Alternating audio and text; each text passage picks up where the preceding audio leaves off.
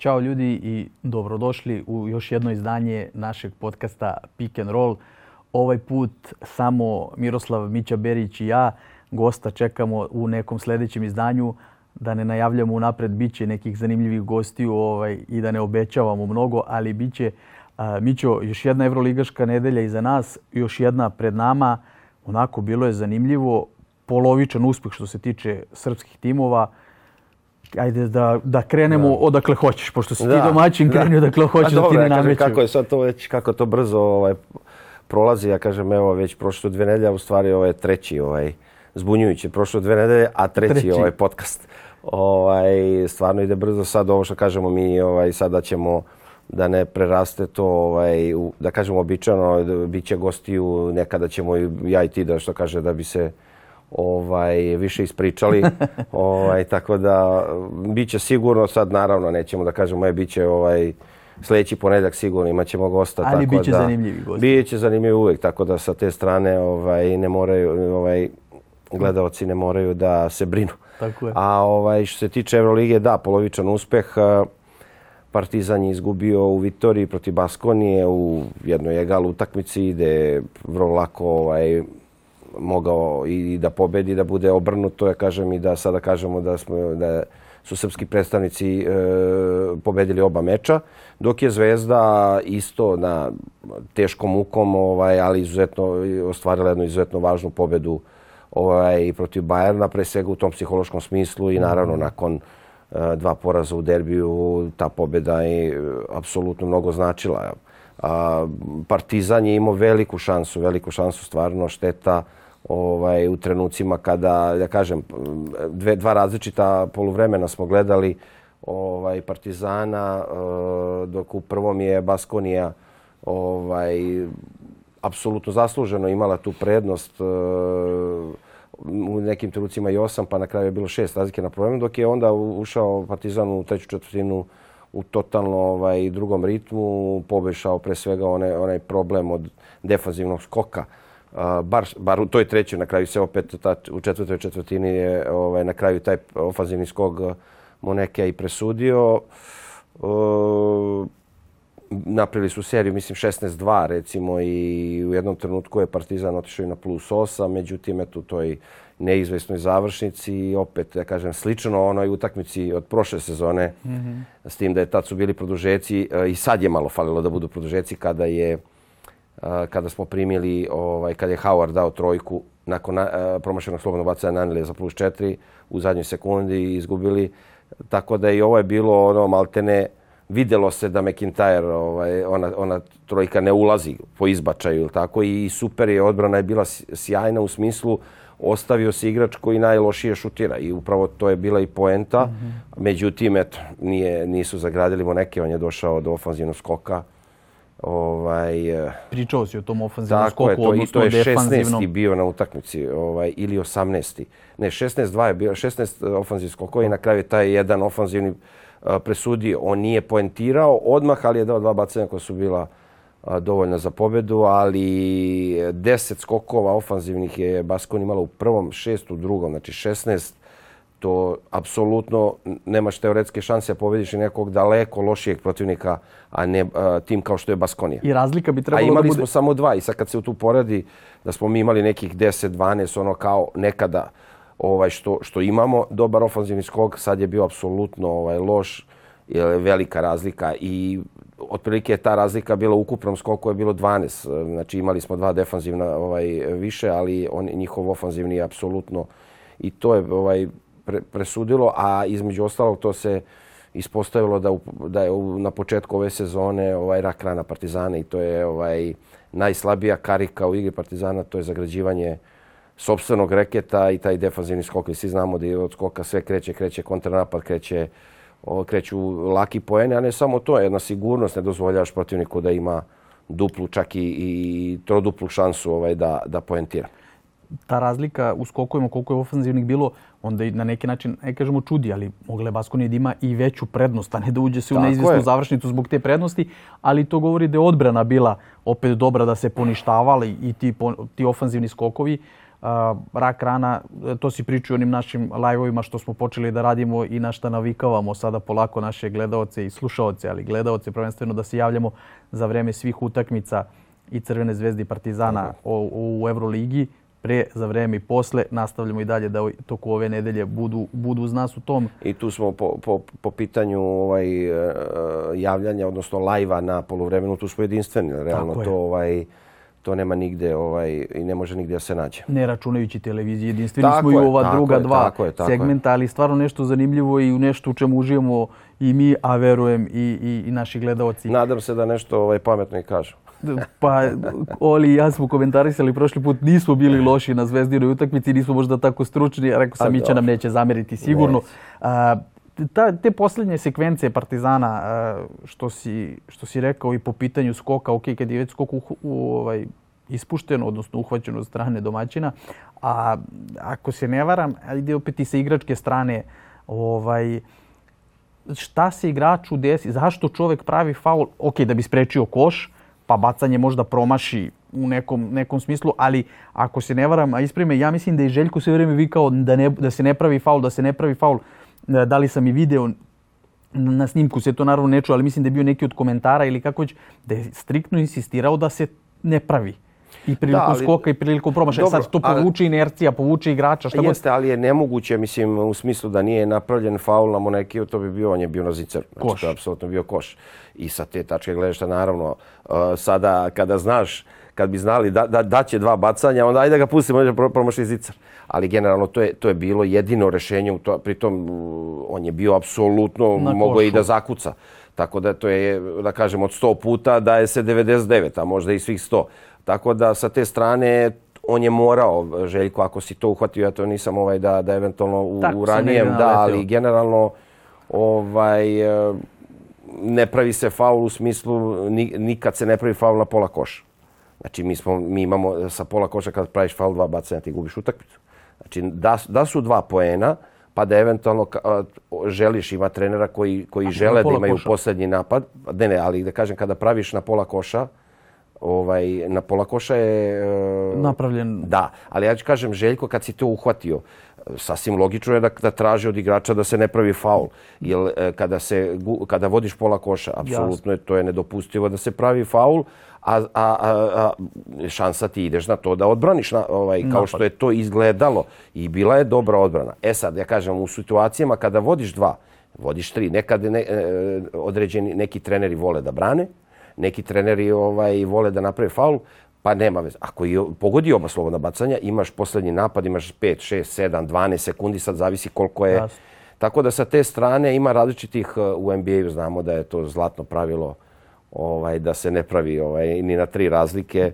Ovaj ili oni jednostavno to žele od svega, ovaj, žele da naprave, ovaj oni čak i navijaju da budu produžeci i to. Tako da dok je u evropskom košarci to sasvim drugo igra na rezultat, svi znamo šta je ovde, koliko je ovde mnogo to značajnije. Tako da sa te strane uh, on je samo teo da još naglasi verovatno, ja kažem, uhvatio se ja verovatno, ja nisam, da, da, da im u glavama bude da slučajno u nekoj preteranoj agresivnosti i to i u želji, ne u da duelu, želi. U branjenju, tako da. je, da bude ono. I onda su to i bile su dobro odvanja, rotiralo se dobro na dobre igrače, međutim, uh, ostao je, ovaj, ne međutim, uh, McIntyre je promašio i to debelo promašio, ali eto, jednostavno tako se odvelo da je ma, uz malo sreće i drugačije, verovatno, ali direktno, on, tačno se videlo da, da nije bio zagrađen, nego mm. jednostavno u toj rotaciji da je bio igrač pored njega, samo setim koji, i on je onako, ne, ne još pritom Jaramaz skočan. Je, Jaramaz je upisan faul. Ne, ne, ali... Jaramaz je bio tu, ali mislim da nije njegov igrač. Jaramaz je drugoga, mislim, ne znam ko je bio dalje bio Trifunović, dalje bio neko sad ne, nema Sladić. veze, nema to sad da nekog upiramo prstom, ali jednostavno ovaj al to je to je eto splet okolnosti, ali isto tako ja kažem pohvalno i odigrali smo dobru odbranu jer u nekim trenucima ti moraš da se odlučiš na, za najslabiju kariku. Najslabija karika u tom trenutku je bio šut McIntyre i to on ne kažem svaki igrač profesionalni možda ubaci, ali videlo se da ni on u tokom utakmice nije bio mm -hmm. ovaj e, u nekoj šuterskom u nekom šuterskom raspoloženju. Ovaj, ali isto tako kao kontraprimjer navodim e, tokom e, zadnje četvrtine, kada smo mi, kada su oni nas dizali, kada smo imali ti plus 8 isto u jednoj rotaciji, Andjušić bira između McIntyra i, i, i Vanja Marinkovića. I kako ide rotacija, on krene na McIntyre, McIntyre odmah Vanja. pasa. Vanju Vanja... Vanja daje izuzetno važna trojka u tom trenutku. E sad, to je ono što kaže, što, što je, tu je Željko polude, ali to je ono mm. što ti mora, to je jednostavno kada ide rotacija i napraviš fintu i odmah tačno znaš. Ovdje mi je jedan šuter koji je daleko bolji od ovoga. Ovaj može svako da ubaci, ali biraš da tako najslabiju na... kariku. I to je baš bio, recimo, to mi je ostalo upečatljivo u tom mm. trenutku. Onako, to je onako ozbiljna, da kažem, defanzivna greška Andjušića. I to u trenucima kada se oni vraćaju, ta trojka je bila neverovatno. Mislim da je recimo sa 6 na 3 ili sa 5 na 2. Sad ne mogu se setiti. Da, i Vanjina i ona Howardova isto je bila ne, onda je to u onoj seriji kada, su oni, kada smo mi gubili lopti. Isto kao što su oni, kao što si rekao, kada neko ima 14 ofanzivnih skokova više, a dođe, a pogodi, a pobedi tako što je dao dva bacanja na 0,9 ili 1,1 do kraja, to znači da ni Baskonija, to je ono što me, E, da kažem, što me nervira, što je Partizan izgubio, da, da Basko nije odigrao neki izvanredan, nije blistala, imala je, u, setimo se u trećoj četvrtini jedno 5-6 u kontranapadu e, pasova u, u, u ruke. Tako da, ali šta je tu je jednostavno ova, ja kažem, Evroliga je predugačka, bit će uspona i padova, šteta što je svaka pobjeda jako bitna, koliko god je na početku, ali mm. to će, što kaže, za nekoliko mjeseci svi ćemo se prisjećati. Ono, tako je bilo i prošle godine. Yes. Eto, ona utakmica u Vitoriji gdje smo imali ono, vodimo plus tri, imamo slobodno bacanje, naneli maše, primamo trojku, ne napravimo faul na vreme. Tako da, ali, ništa, napred, ja kažem, jako je bitno da se ovaj, da se pobedilo u Splitu, mm -hmm. bez obzira što je razlika u kvalitetu ogromna. Ali, ali poredići i prošlu sezonu tako kako, se, tako kako je bilo u Splitu. I upravo je sada... isto pomenuti, Naneli je dao trojku, mm -hmm. go, izgubljen meč, tako dao je trojku iz izolacije iz 1 na 1. I naravno sad se imaju u glavi i taj poraz protiv Mege, tako u Jadranskoj, da ti apsolutno više nemaš pravo na kiks, jer svaki kiks to automatski znači zakucano drugo mesto u regularnom delu. Tako da ovaj ništa sada da se pre svega bio je ovaj naporan put. Uh, uh, sinoć su, ja mislim, igrači uh, se vratili autobusom iz Splita. To je ovaj, ne, ne, ne mali put. Oni su došli iz Vitorije, bio čarter, oni su sleteli, da, ali nakon toga su ovaj se vratili odmah nakon utakmice. Ne, nije bilo aviona, jednostavno moralo je da bi mm -hmm. se da se ne bi čekao sutradan, tako da ovaj naporno, ali pretpostavljam on, ovaj, da je danas slobodan dan, tako da ovaj da će da tamo da se odmori igrači i ništa sada sledi jedan ni malo naivan protivnik ni malo lak protivnik ja kažem po znacima navoda za vađenje. To kad se to je nekako ču, ono kao da je podmoranje ali ovaj naravno da da je jako bitan pogotovo u trenutku kada imaš dve pobjede i četiri poraza. Svaki naredni poraz kod kuće je što se tiče aspiracija i pogleda za play, play-off ovaj, te udaljavaju. A radi se o timu koji je opet izvaredno, kao i prošle godine izvaredno ovaj, počeo sezonu i deluju kompaktno, deluju uigrano, dobijaju neizvesne završnice. Tako da, a setimo se, znamo da je Fener je otiš, odigrao prošle sezone e, nakon one pauze e, od nekih mjesec dana bez igranja, nakon e, razvojnih zemljotesa u Turskoj, ako se sećaš, odigrao je možda i najbolju utakmicu ja koji sam gledao prošle godine u, u areni, kada je dobio Partizana. Odigrao izvarednu utakmicu. Nakon pauze od recimo mjesec dana na igranje. Tako mjesec, nešto je bilo. Tako nešto. Ovaj, tako da, ni malo, ovaj, ne ni malo, apsolutno jedan od favorita za, za Final Four. Uz, ja kažem, neprikosnovene možda Real Madrid, da kažem Barcelona, nije ni ona neprikosnovena, ali u tom krugu pet, pet ekipa, šest, apsolutno je tu Fener. Fener. Znači uz Real, uz Barcelonu, uz, uz Olimpijakos, meni je tu Fener u, ta, u top četiri. Monako, ali nekako i čak bi stavio i pre Fenera nego Monako. Ali ajde kažem pet, ajde, to je tih ovaj, u ko, koji su, ajde, kada bi sada pravili ovaj najveću mogućnost ko bi bio na Final Four stavi, ovaj, rekli bi tih 4-5 ekipa, tako da vidjet ćemo sad da li će Panter igrati, neće igrati. Bila je priča nakon utakmice sa Zvezdom uh, u prve u Euroligi da će biti pauza neka Dve dve, nedelje. Te dve nedelje su otprilike tamo da- dalje, da li će on ući, neće, sad to ne znamo. Krajem ove nedelje. Ali to bi trebalo da, da se, to će se znati verovatno, tako da E, raspričao si se, ovaj, kad nema Peđa Drobnjaka, ovaj, Da, onda, si, Droga ne onda mogu- si slobodni, on ti držao blok tu Ne, ne, nekako ne. da se ne raspričaš toliko. ne znam, ne znam više, E. ne znam da smijem da ga pozovem. Vidjet ćemo tamo za od nove godine. E, par stvari što smo... E da, da ne bude, izvini sad te... e, Je lepo ja kažem raspričao si. Da, raspričao, nego što sam htio kada, nego za, da ne bude da smo i zvezdu ovaj... Da, krenut ćemo, da, da, krenut ćemo na Zvezdu, ovaj, ne brini. Nego rekao da sad, a dobro, poslije ćemo onda, rekao da, da još, ujedno- par, još par stvari ovdje. Kad si pomenuo NBA sada i Split, e, prva stvar za Split da kažemo, to je informacija od sinoć da je Alen Smajlagić dobro. On je završio u bolnici tamo, bio je te udarac neki kažu malo jači u grudni koš. Pominjalo se čak udarac u pluća. Mislim, to je sad sve malo pipavo, ali informacije iz kluba i koje smo mi pustili i sinoć na našem portalu koji su mogli su pročitaju da je dobro i da to najbitnije. Sad ti vjerojatno znaš možda bolje da li se vratio odnos s ekipom, verujem da da, i da su Da. informacije da bi on mogao već da trenira za 3-4 dana. Dakle, da je verovatno samo možda bilo iz predrostrožnosti, normalno straha i da je najbitnija stvar da je dečko dobro. Tako je, e, mislim, imam tu informaciju, prvo sumnjalo se naravno, odmah se sumnja na, ide na najgore, ne znam da je možda naprslo rebro ili ne znam Da. taj udarac jako grudni koš, međutim ispostavilo se srećom naravno da ovaj ništa da nije nikakvog naprsnuća, nema apsolutno ništa čisto, dobio je jak udarac naravno. Ovaj sada koliko će to, da li je to dva dana, tri dana, da li možda i dan s obzirom da se radi o snažnom momku i koji ide i preko Praga boli, to, to, to smo vidjeli i prošle sezone, ali tako kad je imao na povredu. On je i derbi igrao povređen, sad Tako je. ne znam da li prvi, drugi, ali on imao povredu uz globa Da. ili kako već on Tako igra, da- povređen, rovi taj. Što se nje, za njega ovaj, ne sumnjam i ovaj, da, da će čak i ukoliko naravno ti kao sportista ti uvek nešto, uvek dobiješ neke udarce. Nemoguće nikada da te nešto ne boli. To ja, sad, ja mogu iz ličnog iskustva, to je nemoguće.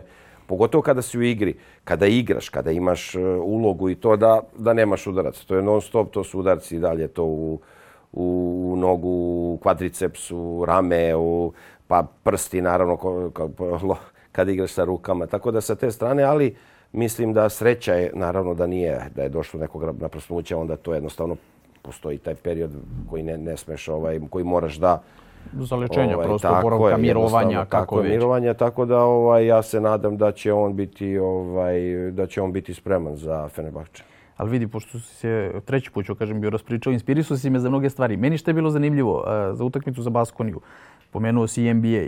Uh, ok, nije bilo Pantera, samim tim uh, morao je da povuče Naneli ili, ili Ledej.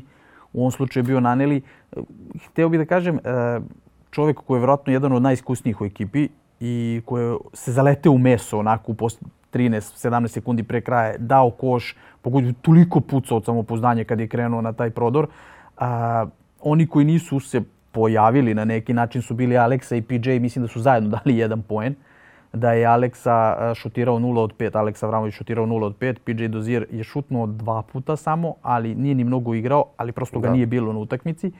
I treća stvar, taj NBA moment što si pomenuo kao oko, oko čuvanja sve, e, onaj trash talk na kraju je bio klasičan NBA moment gdje su e, nanili lede i došli kod e, ovog Monekija Monekija. i toliko ga po znacima navoda trovali, toliko mu pričali i smeju mu se u facu i sve da vidiš koliko će ovaj čovjek, sad on odgovara osmehom i oni tu pričaju nešto, posle je bila priča da je bila opklada u platu, nije bila u platu, nije ni bitno. E, nemamo priliku to često da vidimo, što na evropskim terenima, da to u Euroligi, da to tako ono klasičan NBA trash talk bio i ja ne znam, eto i to ajde kao bivši igrač, ali meni je, ja bi poludeo na njiho, na, na mesto Moneke, sad je on tu onako hladan, isto vjerojatno iskusan, ali da ti dođu njih dvojica onako i da ti drobe pred facom dok ti treba da šotiraš bacanja, ne znam, baš je bilo Pa onako zanimljivo da, za zanimljivo gledanje. gledati, da. da, ali e, i, i on je ostao na kraju miran, pogodio, s jedne strane nisu uspjeli da ga ispro... Mislim, to je sve dozvoljeno, nisu oni radili ništa što se ne sme.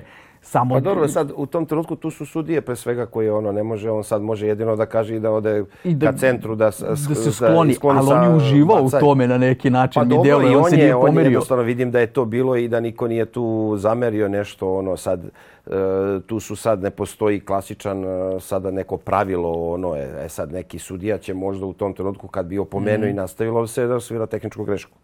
I sada nezgodno što su dva igrača, je tako? I sad to je bilo na ono, aj pogoj, aha, nećeš pogoditi, nema šanse, to je. Da, Mislim, svi smo mi prolazili kroz to, nismo, i mi smo, ovaj, kažem, ovaj, e, nekada, ali tako nekom kažeš, ma nema šanse da pogodiš ono u fazonu, samo što ovo vreme sada 300 ovaj, kamera i ono shvata sva ranije srećom. Srećom nas nisu hvatali sve i šta smo mi, ovaj, šta kaže, i pričali i radili.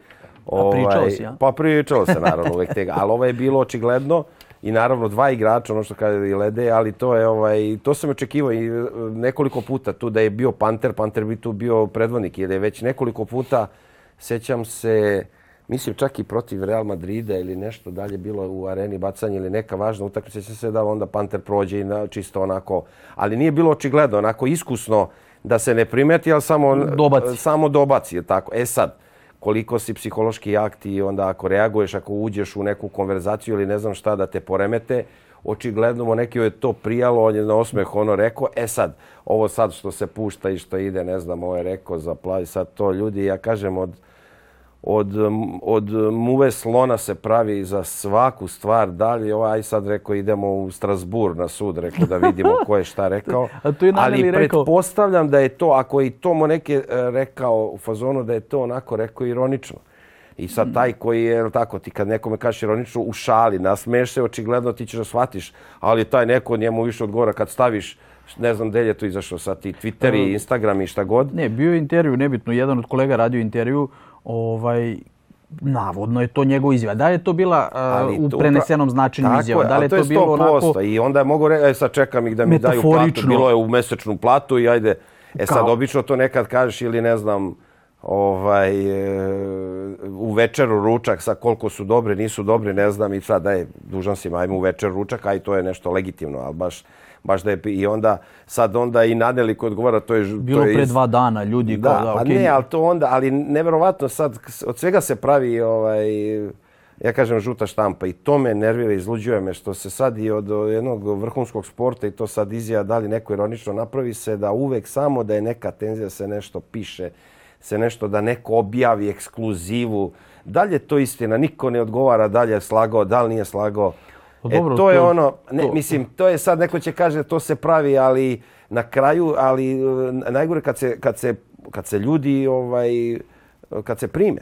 I na sve to, ja kažem to, onda ljudi, ima neki koji to ne shvate onako na taj način mm. i onda to. I sad kako je to sad ovaj, dostupno svima da svako negde nešto napiše ili direktno sad ili bilo je ona nekomu neke, ne znam, slao, nešto sam ne, dobro, to je stvarno... A, to su neke to će, stvari. Ja sam ubiđen da će se to dešavati. Sad ljudi nemaju granicu, I to nije pa normalno. Dobro, Navijači jednog drugog kluba nije bitno. I sad ovi jedni su ga hvalili, zahvaljivali se drugi mu žele sve najgore. Ali... Mislim, to je... I sad vidiš njega, sva sreća čovjek je takav. E, Poenta je što neki ljudi mogu da budu i psihološki i mentalno slabiji i ne mogu možda da se nose ne? s tim stvarima. Pa da, I neko će... ali, ali, ima, ali tu ima lek, rešenje. Jednostavno, bre, isključiš. Ti ne dozvoliš da ti svako, da ti svaka, da ne kažem šta, ovaj, E, šalje u bilo kom smislu. Može znači, da blokiraš. Sada u eri ovih e, kladionica i miliona se Sad neko je e, izgubio lov zato što on nije da neki igrač ili bilo koji, bilo koji sport, neko šarka, tenis, futbal, odvojka, ono, i sad neko je u stanju što kaže, i sad slobodno. E, ti, ti, ti, ti meni sad. sad ti trebaš da budeš kuli da neko da te, ovaj, da ne zato, psujem. Zato je Nole zato, to rešio. Da. Zato je Nole to rešio na svoj način. Pa nema to, Njega ali jednostavno... pola sveta ne voli. Pa, u Parizu naravno. smo videli kakva sad, atmosfera bila. Sad on kad bi da dozvoli da neko njemu i sad zamisli ko voli da čita neko kad, kad te neko vređa, ko naravno. to voli. Ja ne, ja ne znam osobu koja voli. Tako da Ali on zna ti da jednostavno, jednostavno ili ukineš ono vreme, ovo sad, znači ti sad da ti svako šalje ili kako, da li to može se ograničiti, da li to može se blokirati. Možeš da, blokiraš ti nešto poruke. Nepoznati ljudi ne mogu, ako mi nisu prijatelji, ne možeš, možda može, ti piši, može sebi šta hoćeš, kao, ono, tako da, ali, ali to je sad to problem kada hoćeš da komunicije, sad ima igrača koji žele, koji uživaju u tome da komuniciraju mm. sa nepoznatim, e, onda posle utakmice naletiš na minu. Nekad. Nekad. Ali ovaj, neko se nosi s tim, evo vidimo, verovatno oni znaju da se nose s tim, zato i ostave. Rekli smo Novak kao neko ko verovatno ima najjaču glavu u tom smislu da se nosi da njemu cela hala zviždi, Tako je. a on pokazuje hrani pa se time. Pa to i on iz toga crpi energiju. Energiju, verovatno. Ovaj, to u nekim trenucijama bude stimulans. Mislim, nevjerovatno je i to pogotovo sad ovo, ja kažem, ovaj, u tim poznim igračkim godinama, iako kod njega, ja ne znam... Ovaj, Šta su pozne igračke pozne godine? Pozne igračke godine, ono, apsolutno, ovaj, ovaj, da izgleda da ima 36 godina, mislim, stvarno, ovaj, onako fizički kako on to deluje, kako mm. njegovo telo izgleda, to da mu daš 30 i da kažeš mo, mogo si i manje da mu daš. Tako da sa te strane više ne može se kaže u poznim, on je možda u nekim srednjim godinama. Ovako Najbolji, kako najbolji. izgleda, ako ne bude igrao do 45. Ovaj, mislim, ja bih volio da igra do 50. Ovaj, samo da mu telo izdrži, ali jednostavno on stvarno ovaj, van vremenski, njegovo telo i to, taj napor i taj, ali jednostavno on je on je, ja kažem, robot jedan koji zna šta, ovaj, šta radi i kako se ponaša i kako ovaj, trenira i, i pre svega to, to na psihološkom planu, jer tu u tenisu, kao nigde u nijednom drugom sportu, glava je presudna. I vjerovatno mnogi se i vode time i tom njegovom glavom. Mislim, i drugi sportisti nemaju problem, kažem, naši sportisti nemaju problem da kažu i da se ugledaju na njega i da im je to primjer. Pa dobro, Mislim, nemaju na koga ne boljeg. Na najboljeg na svetu i ikada i koji će ostati upamćen i oboriti sve rekorde, pa mislim, šta je sramota reći da ovaj da se ugledaš na ko, ne bi ko ne bi voleo da ima tu psihološku stabilnost, tu tu, tu smirenost, tu odlučujući kao što ima Novak. Mislim, to je stvarno ono, Pričali smo, u bilo kom sportu. Pričali smo malo pre o Aleksi, pomenuo pa se setio kad je bio doček kako je Aleksa onako dečački zagrlio Novaka Da. i pričao nešto s njim. I zato verujem da sad a, Aleksa odigrao jednu lošiju utakmicu, sigurno će to doći negde na svoje kada možda bude bilo i potrebnije. Ono što je dobro, ajde da kažem samo još i to e, za Baskoniju, e, Tristan Vukčević je konačno zaigrao, proigrao. E, ono što nije dobro je što Balša Koprivica drugu utakmicu za redom uopšte nije igrao, a opet pričamo o poziciji koja je u Partizanu na neki način deficitarna, pored Kaminskog i Ismajlagića, koji je igra sada, jel ti, peticu, petice nema. Balša Koprivica drugu utakmicu za redom nije igrao. Tu šta se dešava, meni iskreno malo čudno. Pogotovo što je prve 3-4 igrao. I gledao sam baš pre, igrao je po desetak minuta u proseku. Prve četiri u Euroligi. Prvo je u Euroligi A- čak je imao, ne znam, u startnih pet protiv Barcelone. Dve, ja mislim dobro. da je krenuo isto Da. bio. Tristan je odigrao. E, ja kažem, pričali smo i kad ja to nešto mnogo ne pamtim, više volim da zapišem izgooglam 13 pojena, dva skoka, asistencija. I mislim da je bio drugi, ne da mislim, drugi je bio najefikasniji e, u, na toj utakmici. Onako, konačno da, da, da vidimo nešto od njega skodno talentu. Pa da, ja sam baš ovaj baš sam u, u live-u ovaj pred utakmicu odnosno pred utakmicu naravno da nisam ovaj pošto nisam ono ne, ne, da sam znao da će možda da igra i da će imati minutažu. Uglavnom ne, nije, nije igrao, on nije ni ušao.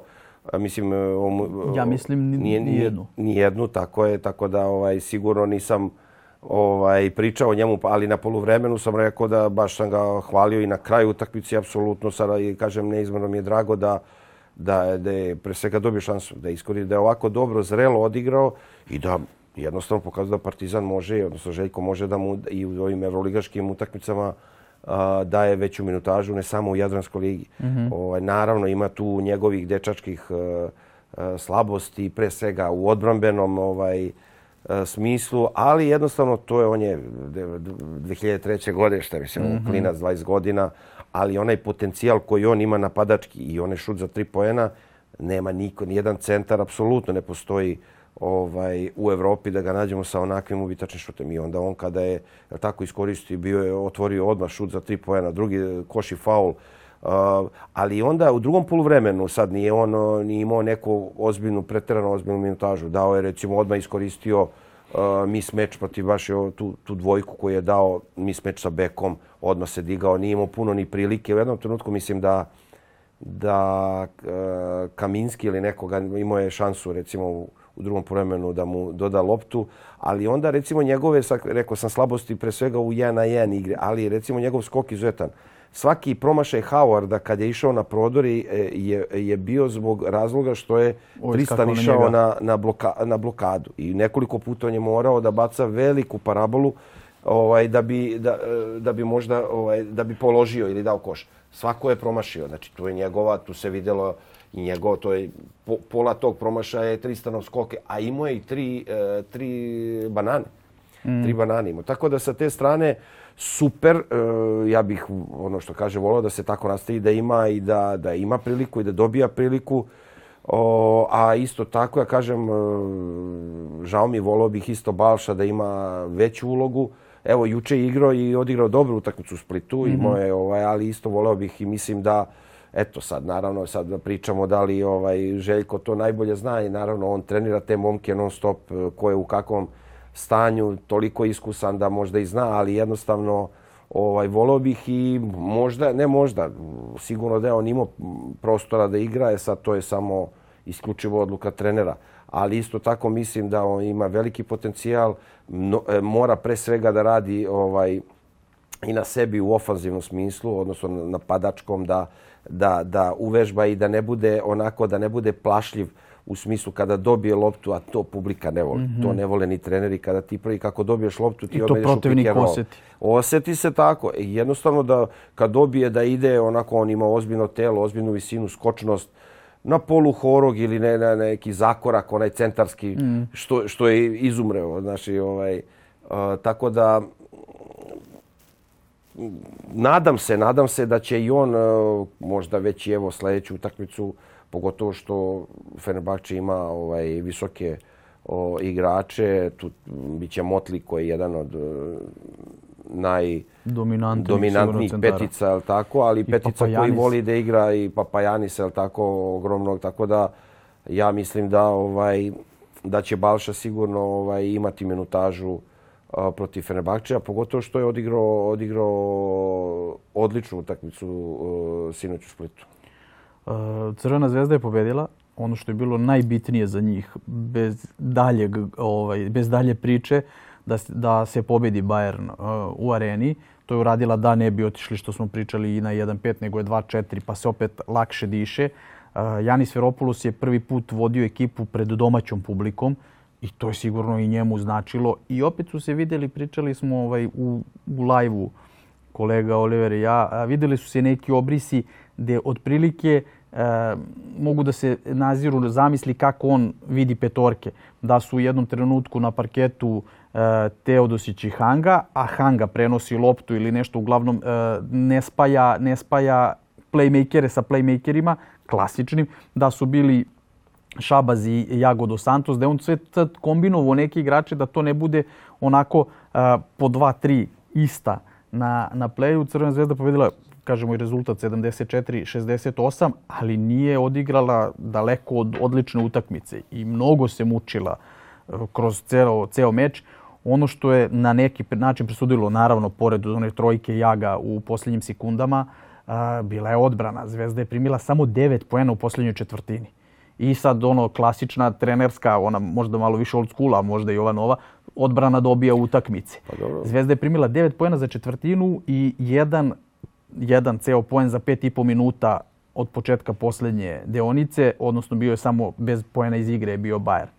Koliko god imao Lasa na klub i sve u, u nervoza uhvati svaku ekipu kada je takva situacija, e, ta trojka Jaga je bila onako, pričali smo prošli put, Teodosić nije dodao u derbiju kada je bio sam i mislim da će svako reći da je to normalno, iako je bilo drvlji i kamenji po Teodosiću tada, ali e, da je uvalio, žargonski rečeno, Kosku Jagu, bili bi svi vidi ga čovjek od 36 godina, legenda, rešavao tolike utakmice da je uh, njemu da rešava, umjesto da on preuzme odgovornost. On je preuzeo odgovornost, nije ispalo kako treba, opet je bilo pa što mu nije dao loptu. Uh, ovaj put je ispalo najbolje po crvenu zvezdu, Teo je dao tu loptu, on je onako čovjek pogodio tu trojku i neka eksplozija emocije u celoj ekipi. Videlo se koliko im znači. Ne pamtim da sam vidio Teodosića, ok, koliko igra u Zvezdi, pa je vjerojatno sad i njemu sve to drugačije. On je na polovremenu dizao publiku rukom, onako pokazivao. E, Luko Mitrović, mislim da isto imao neko olakšanje po, po nekoj reakciji. E, promenio se govor tela igračima mnogo usled u posljednjih par utakmica da li ima veze s promenom trenera, ne bitno je da se promenio. E, lica im drugačije izgledaju i vidjelo se koliko je njima stalo. E, pričali smo to isto u live u Bolonji je bio užasan govor tela i neka, neke face kao da je ti nije, verovatno im je bilo bitno sigurno, ali face su bile takve letargične i, i nekako potpuno nezainteresuje. Sad smo vidjeli nešto potpuno drugačije. E, ta trojka jaga kad se da i takva utakmica neka kad se pobedi e, može da menja tok sezone. Ne samo tu utakmicu, ne samo početak, može da odredi mnogo, mnogo bitnije stvari.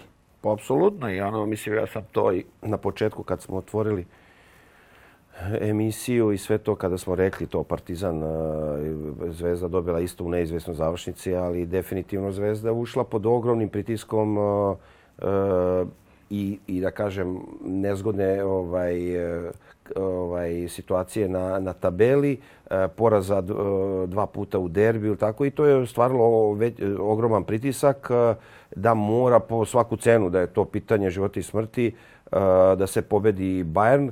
E, koji u ovom trenutku nije u, u nekoj sjajnoj formi, mm. tako, ovaj, odigrao je možda odigrao je sjajnu utakmicu u Vitoriji kada je pobedio Baskoni, a ovo ostalo se je mučio, tako da ni oni, mnogo im nedostaje Lučić naš, tako da ovaj, ne samo što je kapitan, on je lider tima.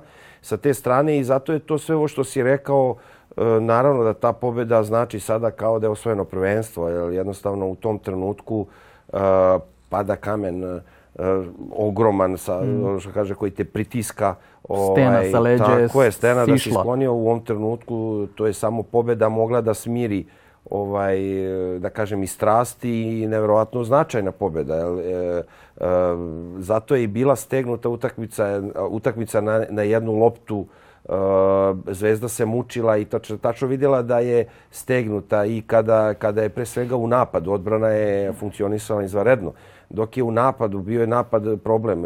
Zvezda ima potencijal, ima u rukama ogroman broj poena. Znači nije realno da se protiv e, Bajerna ide na 70 poena ili tako nešto. Tako da je definitivno ono što si rekao i to, ali to je uvek e, odbrana taj koja pobeđuje i da nije bilo jake mhm. odbrane, e, teško da bi Zvezda pobedila. Znači da je Bayern otišao neki 80 poena, izgubila bi. Ovaj, i, i zato, je, zato su svi, naravno, ovaj, uvek je ono staro, pra, kaže, bolje pobediti nego izgubiti, ali u, to, u tom trenutku igrao se pred uh, punom arenom, uh, svi su znali da, pogotovo gledajući ovaj raspored, da sad Zvezda isto ima E, težak raspored, isto kao i Partizan, ali ja mislim Zvezda i teže. Teži, teži. Ide sad Barceloni u Barcelonu, pa dočekuje Fenerbahče. Pa ide Olimpijakos. Pa ide Olimpijakos. U tom znači, duplom kolu. To su tri utakmice to. I sada da recimo da su izgubili od Bajerna i da se otišlo na 1-5, e, to bi već onda bio ozbiljan problem. Tako da sa te strane, naravno da su ono, svi bili e, prezadolni pre svega pobedom. A, ovaj, a ono što si rekao sad šut za tri poena i Jago, ono, a, mislim da je Teo recimo u derbiju, on je zamislio nešto, je sad to mi ne možemo da, da znamo da ga ne pitamo i da on ne odgovori, ali u tom trenutku kao da nije video da je Jago tu, on je zamislio kao da je, nije želeo, videlo se da neće on, jer ne bi on, ne može iz ove, iz ove pozicije. Znači, on je tačno nekoga, okro. tako, jedino da je bacio horog, a to da. nije hteo. On je nekoga zamislio u korneru, koji njega nije zamislio. Shvatio. Tako je, koji njega nije shvatio da je to tako da je u tom trenutku i stvarno je onda na ponovljenom se videlo da je Jago bio tu ono na nekih 8 metara 9 i verovato bi pljusnuo tu trojku. E sad, nije dodao, to je posle onda naravno sad svi ovaj analiziraju, svi su treneri to. Sa ove druge ta, ovaj strane, evo sad je sad mu je Teo, odnosno u trenutku kada ovaj Teo je naravno uzimao opet preuzeo odgovornost i moraju svi da shvatiti da je on taj igrač koji preuzima i ja sam to i govorio posle derbija ovaj, kada neko kaže pa promašio je bacanja i sve to. Pa ja kažem u svakom trenutku ovaj, ja bih i dalje, iako i on u poznim igračkim godinama, ono, ja bih opet teo dao da rešava, da rešava i kada su slobodno bacanja, ovo će se teško više desiti da on može da veže pet slobodnih bacanja, tri da promaši. Sad je jedno promašio. Sad je jedno promašio pred Bayern, ta, tako je, u tako je. trenutima. E sad, bilo je, ne, ovaj, imao je Bayern imao napad na pola koša, tako Jest. oni neki onako... Odbranili su. Bila je dobra, ali je bio šut preko ruke u zadnjoj sekundi, odbranili su i bio daleko, ono, baš debeli promašaj. E sad, ova trojka, znate kako, ovaj, uh, kada se pogodi trojka, to je fenomenalno to je fenomenalno. E, pogodi se šut za, sa, znači ono je bilo 8 metara. 8 metara, ali jednostavno to je ta ovaj sigurnost koju on osjeća kad znači veruje u svoj šut. E sad da se da je promašio. Sad šta bi pričali bi sad e, o komentari. Pa eto opet, el mora samo ta trojka, trojka jel ne može drugačije da se odigra. Da li ta. To je isto mogu da vratim i Panterova trojka u Madridu kada eto mogli na, mi smo mogli i sa dva poena da da je promašio bilo a zašto smo mogli smo išli na slobodno bacanje mogli smo išli i da igramo idemo na dvojku znači sve kada se da, sve je super, kada se promaši, onda moglo je da bude ono drugo. Tako da uvijek će biti uh, hiljadu za, hiljadu protiv, ovaj, ali jednostavno to je definitivno odlučilo i taj koš. E sad, kada je, tačno se videlo da je uh, foku, uh, Bayernova odbrana bila fokusirana na pick and rollu uh, Teodosića sa, mislim da je Mitrović bio uh, u tom trenutku, sad ne mogu setim, i ovaj tačno su je ovaj rolao Mitrović i igrač koji je čuvao Jaga je morao da on je ušao u reket al onako realno previše ne možeš ni ovaj, svi znamo ovaj pritom oni su prošle godine igrali protiv uh, Jaga u nemačkom prvenstvu. Tako je, znaju ga. Prva, znaju ga. Znači, odigrali su sigurno 5-6 utakmica kroz play-off i kroz ono. I znaju da šta ne može, prašta. znaju kakav je. Da. Tako da taj realno igrač je napravio... Mislim da je Bolmaro bio slagač, mislim da je Bolmaro bio Ali dobro, to je verovatno da, koji ga i ne poznaje. Da, eh, Ali još kažem, on je išao, e sad, to je uglavnom većina trenera više voli da Skupi. sad skuplja nego na tri, e kad se primi onda ne valja. Tako da s te strane, to je bila, ovaj, Teo je pro, procenio, odnosno video da ukoliko bi bacio pas eh, Mitroviću da bi ovaj išao na, da bi presekao i to, pogledu i ovaj apsolutno bio sam. Znači, ovaj odbranbeni igra bio na 3 metra i to je sad, što kaže, odlika velikog šutera kao što je Jago i jednostavno ne ušla kao, kao kap. Znači, malte ne jedva da je i mrežicu pipnula. Znači, to nije ni bilo ono kao igralo se, hoće da izađe, neće da izađe, nego jednostavno bila je čista kao kap i definitivno koš koji je presudio. Ta eksplozija energije zaista pokreće ekipu, hrani ekipu i za dalje. Ide tu utakmica već na neki način gotova, uh, hrani njega samog, uh, s druge strane ekipa će mu verovati, bit će tu i promašaja, ali opet opcija više da bi se došlo do svega toga, da se došlo u tu situaciju da Jago može ili ko već da rešava, da se dođe u situaciju. Uh, Teo je odigrao sjajnu utakmicu. Više stvari u pitanju. On je na početku posljednje deonice došao do double-dubla sa 11 asistencija. Ukupno imao 16 poena, 11 asistencija. Tad je bio 12 poena i 10 Eto, 11 je bila da, jel te, za, za, za pobedu. Da. Tada je upisao 10 uh, da dođe do double-dubla. Uh, igrao, je, igrao je 27 minuta. Ja sam siguran da nije planirano kada je došao u Crvenu zvezdu da igra više od 10, 15, pa neka i dva, igrao je 27 minuta uz Roka sa Gedraitisa i Bolomboja najviše. Oni su odigrali po pola minuta, minut više, ajde, ono, ali 27 minuta sa 36 godina i to je dokaz koliko je njemu stalo, koliko, se njem, koliko mu znači da pokaže ko je i šta je u dresu zvezde. E, taj double-double, to je e, jedna stvar. A druga stvar, kad si vidio te da igra odbranu na način koji igra u zvezdi? I imam jednu pitalicu pa, dobro, za tebe. Pa dobro, trudi se, mislim, definitivno želi da pokaže i naravno daje svoj maksimum koliko može. Ja kažem koliko može u, pre svega u odbrani. Ne mislim napadi. Dobro, nije te ova odlika bila kroz karijeru ni kad je imao 26 ni 28 da je sad ne znam kakav odbrambeni igrač i to. Ovaj, ali definitivno da se trudi, mislim, naravno se trudi. Jednostavno vidi se da ima ogromnu želju i želi da pokaže, eto, iako se on vratio odnosno ne vratio po prvi put, da kažem, igra zvezdu ovaj, uh, u poznim igračkim godinama, nisu to njegove najbolje igračke godine. Tako Isto da, ko Noletove. Tako je, da, da, ovaj, 87. Da. Jeste. Tako da sa te strane, ali njegova, mislim, njegov umeće jednostavno on je igrač koji jednim potezom lucidan, svi vole da, da, da, da, da ga gledaju, tako da naravno sve te kritike i sve to jednostavno to je, a jeste sastavni deo, ali to je ljudi, to je toliko, ovaj, to su takve amplitude od najboljih si na svetu Naravno, do najgorih na svetu. Teraj ga iz kluba, šta utakmice, U dve utakmice, u jednu utakmicu.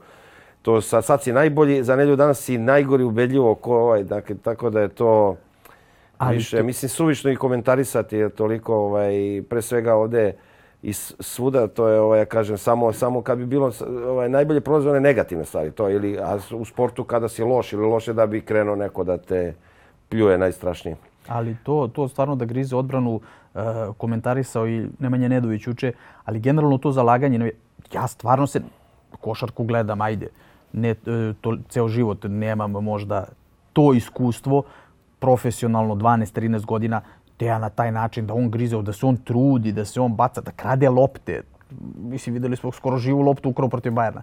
A da li znaš da je Teo bio defanzivac godine, jedne godine u prvenstvu koje je igrao?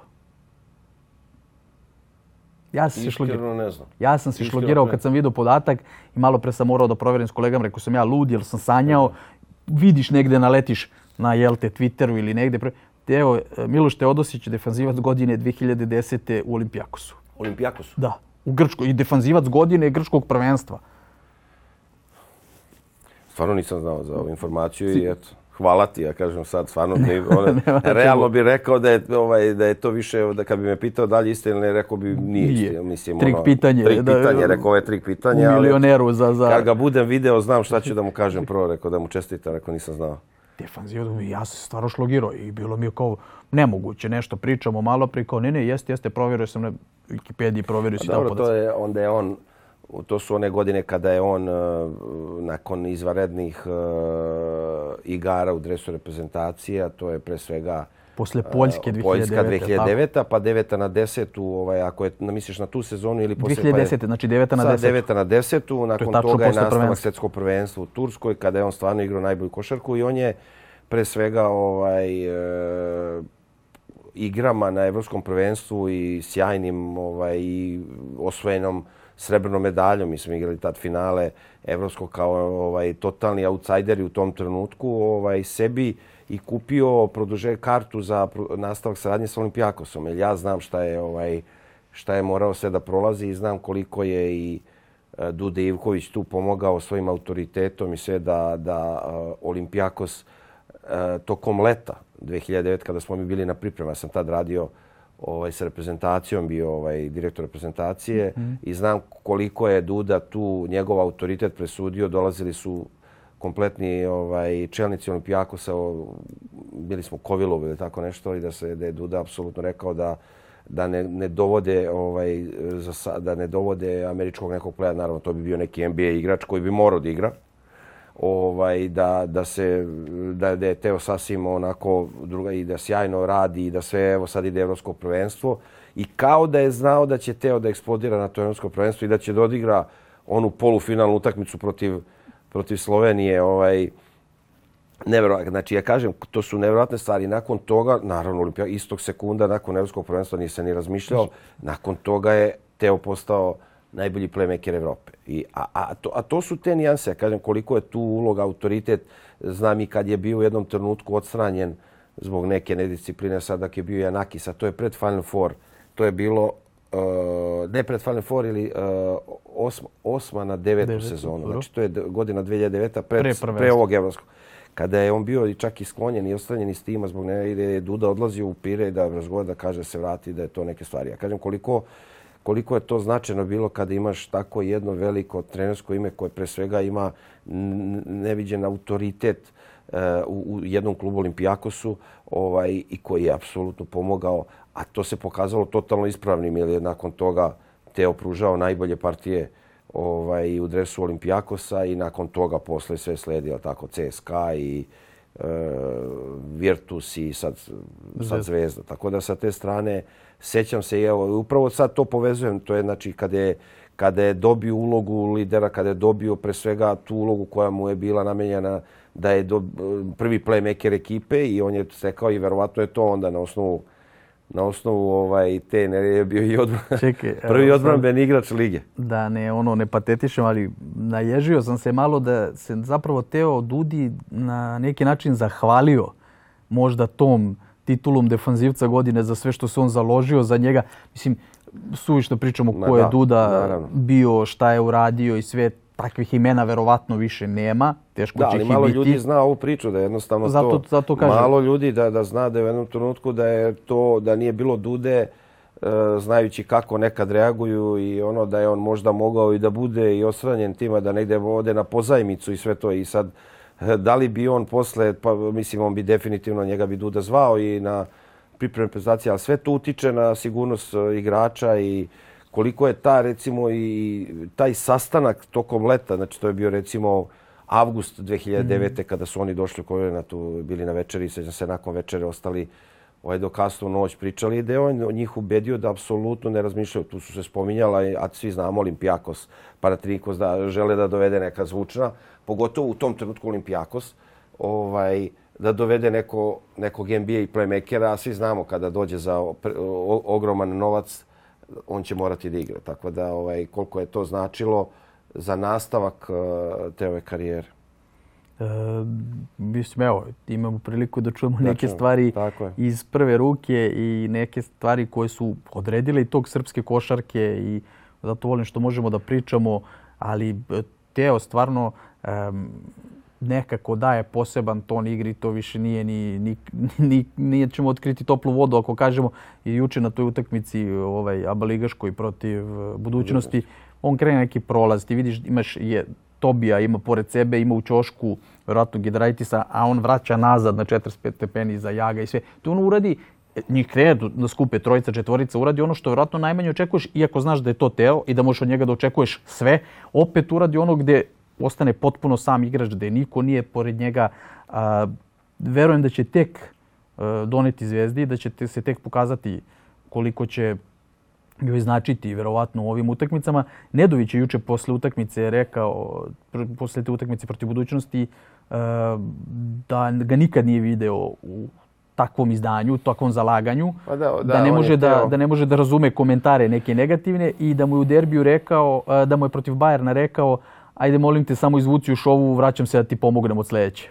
Pa dobro, mislim definitivno sad trošiti ono sa Teo je pre svega jedan lucidan igrač i on privlači publiku i publika naravno dolazi, ali to je to je ono jedan šmek koji izumire realno, nema više takih igrača. Znači mm. takvih playmakera i on on vidi ono što drugi ne vide i upravo to pas koji te njegove voli da ovaj on je kroz karijeru to usavršio. Znači u početku su to bile izgubljene lopte, sad ali jednostavno to su igrači koji privlače publiku i zbog koji publika voli da gleda košarku. Ali ovaj, u sad ovo vreme moderne košarke da je onako svi onako igre ko roboti, onako po šemi, pick and roll, ideš desno pa levo, pa ako ide Dobro, desno. Pick and roll mogu da igraju, to nam se uklapa u emisiju. Ne, ne, hoću kažem sada sve po, po šablonu i sve to, ali takvih o, majstora i takvih lucidnih igrača o, više nema. Onako, nažalost, realno u Evropi ja ne vidim jednog igrača koji koji je neki nalik njemu, on je specifičan svoj.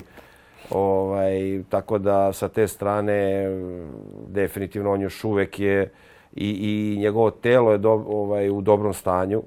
Ovaj, tako da vidjet ćemo sad koliko će sad i ta minutaža koju, kao što je rekao, dalje je on planiran, sad to mi ne znamo njihove dogovore. Da, ali, ali poznajući Teja, on, on voli da igra. On je sigurno igrač koji će kaže sata. ja ću da igram 15 minuta, 20 minuta. Je sad, ukoliko neka utakmica bude tražila više ovaj Teo više voli da ovaj igra utakmice nego da trenira, tako da ovaj ako mu smanje trening on će da izdrži ako ovaj sa te strane ovaj mislim da ono kao i svaki igrač ja sam isto više volio daleko da igram nego da treniram. Poznaje ga Sferopoulos iz Olimpijakosa i vjerovatno će pa znati da. se da, da mu dozira i treninge i minutažu i opterećenje. Pored Teo će prodisati OK ekipa, ali i centri verovatno ne postoji veće zadovoljstvo u ekipi za centre nego da igraju sa Teom ili sličnim igračima. A Mike Tobi je konačno prodisao protiv budućnosti i moglo je da se vidi zašto je i reprezentativac Slovenije i zašto je igra u Barceloni zašto je evroligaški igrač. A Joel Bolomboj, rekli smo i posle derbija, vjerojatno najprijatnije iznenađenje možda od svih Novajlija, iako je isto čovjek igrao za Olimpijakos i CSKA.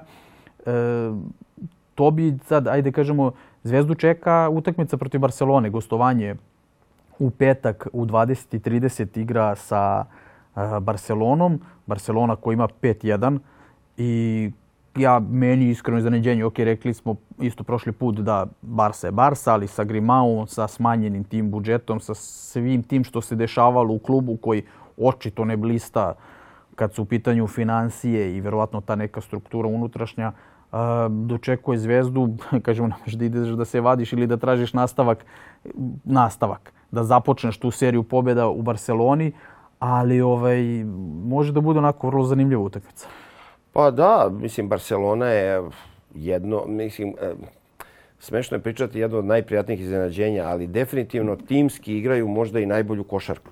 Čak, iako je po meni Real u ovom trenutku, ja sam to rekao i na početku sezone, isti tim, samo sa Kampacom, koji je onako bespremcan, jedan apsolutno najbolji playmaker u Evropi, ja kažem, ovaj, koji vuče i ekipu i sve, ima i poene, rukama i asistencije i odbranu i, I lucidnost, zaraznu, i, lucidnost, i, i, energiju. i sve to. I to što on, ovaj, kažem, ovaj, donosi. Tako da mi je Real tu aps, apsolutno neprikosnoven u ovom trenutku. Ja kažem, sve to može da se promeni, ovaj, ali definitivno, e, sad uz Barcelonu, Barce, eh, uz, uz Real Madrid, Barcelona delo je onako najkompaktnije i onako timsku igru imaju stvarno izuzetno dobru. E, čak mislim da, da sad deluju bolje timski nego sa Mirotićem i ono sad da li su to bile na relaciji Jaskeviću s Mirotić, da su to onako da su neke -hmm. tenzije bile, ne znamo to, ali nekako na, stvarno deluju, deluju koštara i stvarno su igraju jedan za drugo. Ne, nemaju jednog pojedinca koji je zavisi od jednog pojedinca, tako da ovaj uvek neko drugi iskoči. E sad što se tiče ovaj e, što se tiče recimo financija, ali ovaj Ran Gomez je ovaj doveden za ozbiljno da, to veliki se, ugovor to tako da nisu to nemaju para do nemaju para, iz imaju da sad ne pričam što sad cifra to je neka Slažem preozbiljna, mislim da je oni najplaćeniji čak e, ubedljivo uh, igrač Evrolige. Ili je ovaj iz Panate, Juancho. Mislim da je Juancho... Ili on, sad, sad ne znam tačno, sad neko... Su braća, jedan braća su da, jedan drugi, tako da, ali ovaj definitivno, u definitivno naši ni, nisu to baš ti probleme da ljudi ne shvate, ali ovaj, na, s obzirom da su oni futbol klub Barcelona, zavise pre svega od situacije finanske u futbolskom klubu, a znamo da su oni bili ili tako pod nekim uh, sankcijama, sankcijama dovođenja igrača, taj igrača.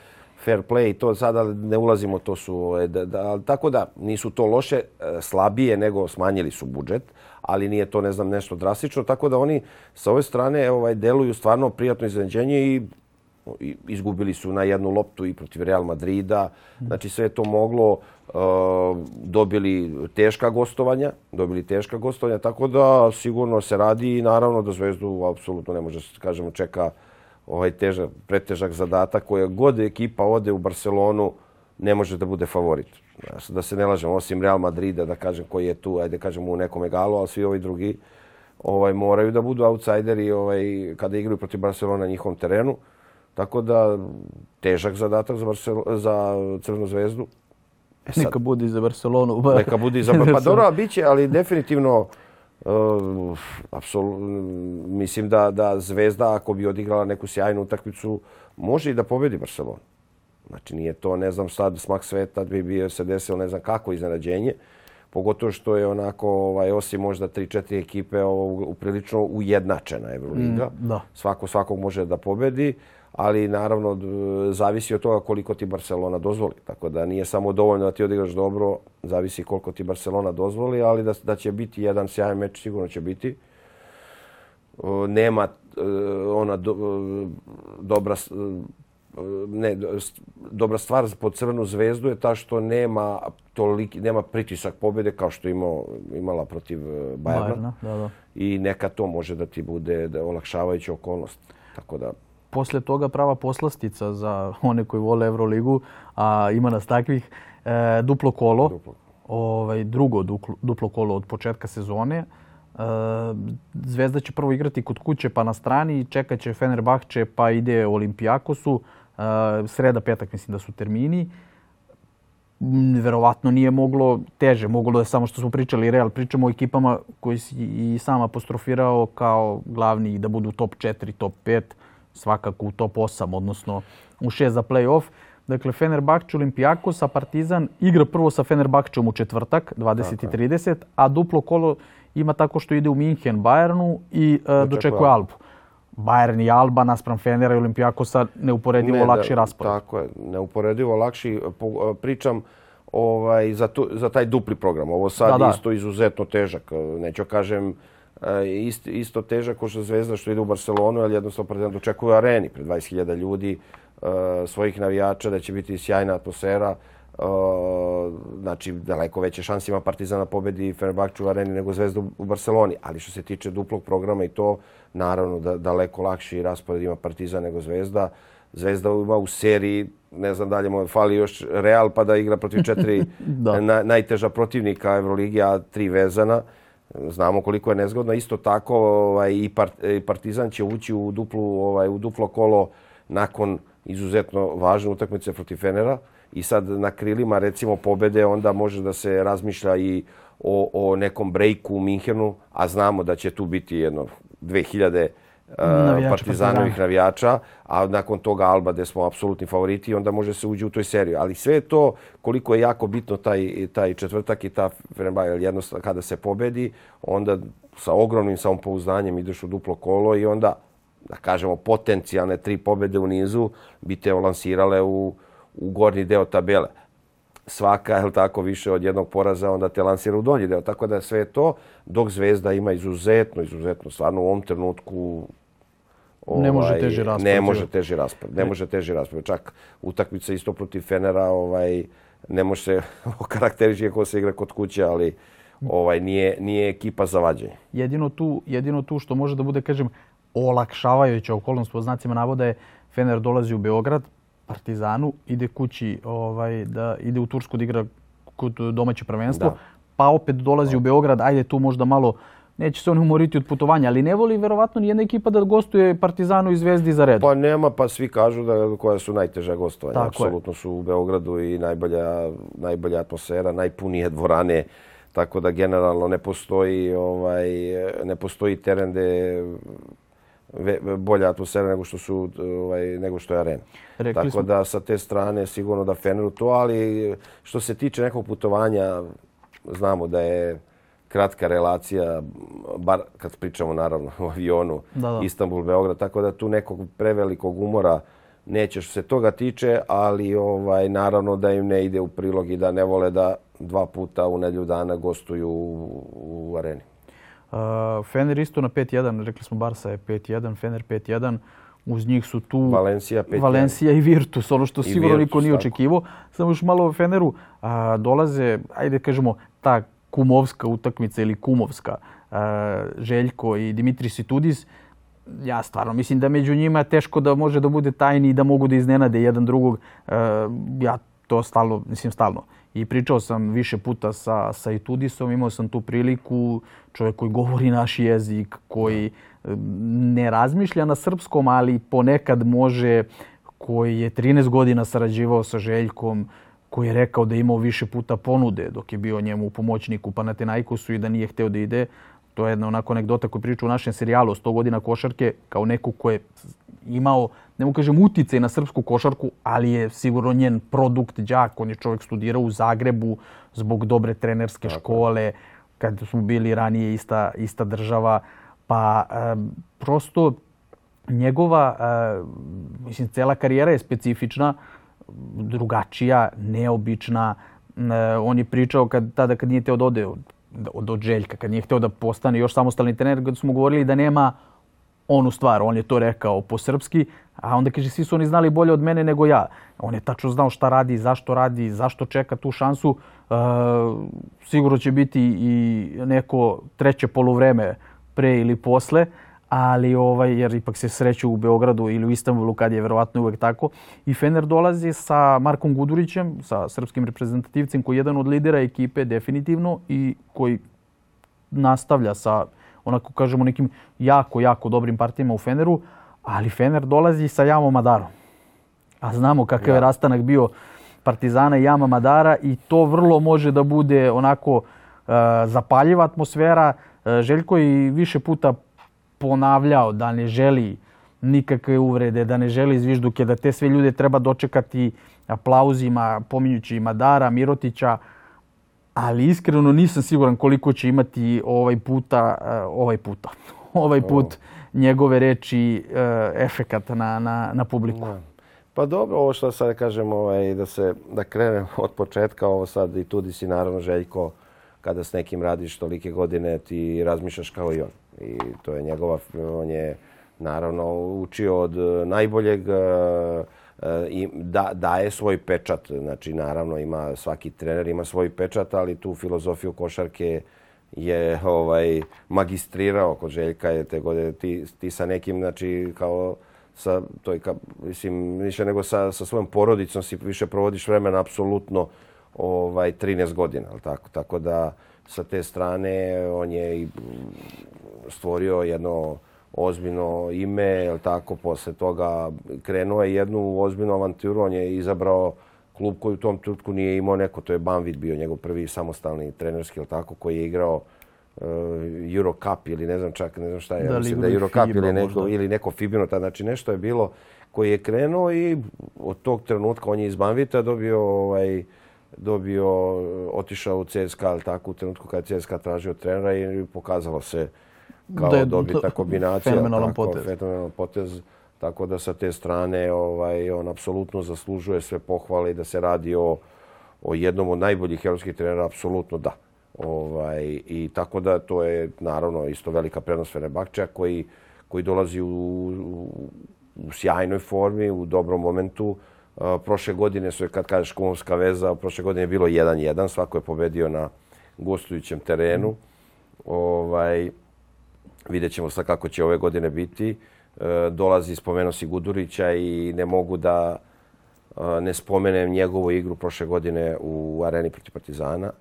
Definitivno možda i njegova se, e, utakmica Najbolja. života. Znači, tu, kako je on odigrao taj procent što dao je, mislim, 32 ili 30 pojena nešto, ali sve pojene, koši faul kada treba, trojka kada treba, utakmica je bila na jednu loptu, ovaj, A pre toga je recimo, a u prvom meču u Istanbulu je šutirao 0 e, od 2, 1 od 12 recimo ili 0 od 10 trojke, 0 od 8.